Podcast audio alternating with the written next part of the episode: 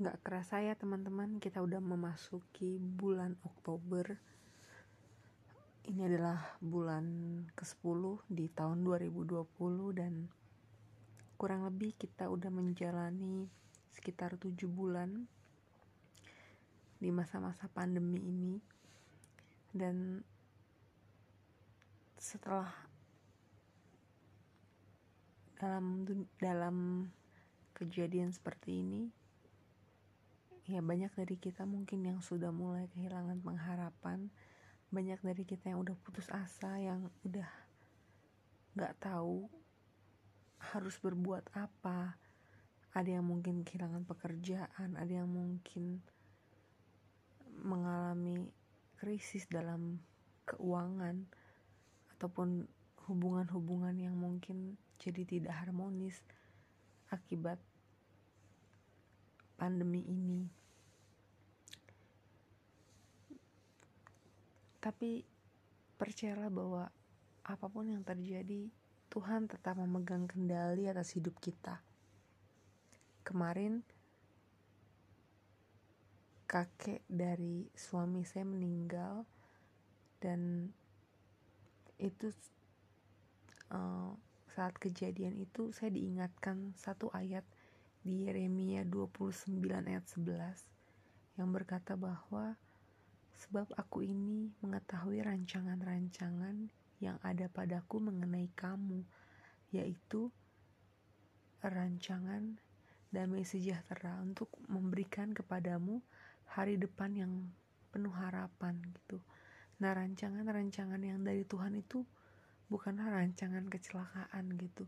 Seringkali mungkin kita berpikir dalam hidup ini banyak sekali kejutan-kejutan yang tidak dapat kita prediksi gitu. Ibaratnya mungkin kita seperti uh, menaiki roller coaster yang mungkin kadang membawa kita ke sebuah tanjakan yang sangat curam atau membawa kita pada satu level yang sangat begitu rendah tapi percayalah bahwa dalam setiap kondisi yang kita alami itu semua adalah seizin Tuhan karena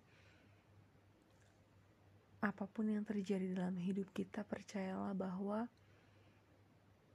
Allah mengetahui rancangan-rancangan yang ada pada kita gitu yaitu rancangan damai sejahtera. Dia tidak pernah merancangkan hal yang buruk dalam hidup kita, sekalipun kita harus berada di dalam kondisi yang tidak mengenakan.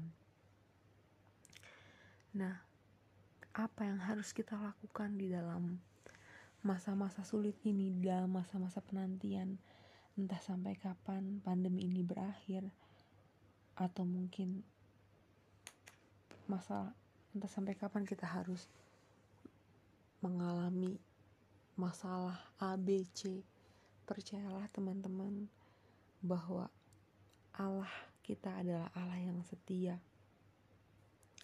Yang Tuhan mau adalah supaya kita memiliki hati yang teguh, memiliki iman kepada Allah. Sebab firman Tuhan berkata di Filipi 4 ayat 13 bahwa segala segala perkara dapat kutanggung di dalam dia yang memberi kekuatan kepadaku. Jadi kita pasti bisa melalui semua ini. I can do all things through Christ who strengthen us gitu. Jadi dalam situasi sulit seperti ini tetap percaya, tetap pegang kepercayaan kita kepada Tuhan dan jangan pernah kita memiliki persepsi yang salah tentang Tuhan gitu. Dan satu ayat lagi yang saya mau sharing itu ada di Yesaya eh, Yosua 1 ayat 9 itu berkata bahwa bukankah telah kuperintahkan kepadamu kuatkan dan teguhkanlah hatimu janganlah kecut dan tawar hati sebab Tuhan Allahmu menyertai engkau ke mana pun engkau pergi. Nah, dalam situasi yang sulit seperti ini, Tuhan katakan janganlah kecut dan tawar hatimu. Sebab Tuhan Allah itu menyertai kita ke mana pun kita pergi. Kuatkan dan teguhkanlah hatimu. Kita tidak pernah tahu kapan pandemi ini berakhir, tapi satu hal yang kita harus percaya bahwa Allah yang tinggal di dalam kita, Dia hidup dan Dia itu menyertai kita sampai pada kesudahan zaman. Terima kasih teman-teman. Semoga sharing singkat ini dapat memberkati kita semua.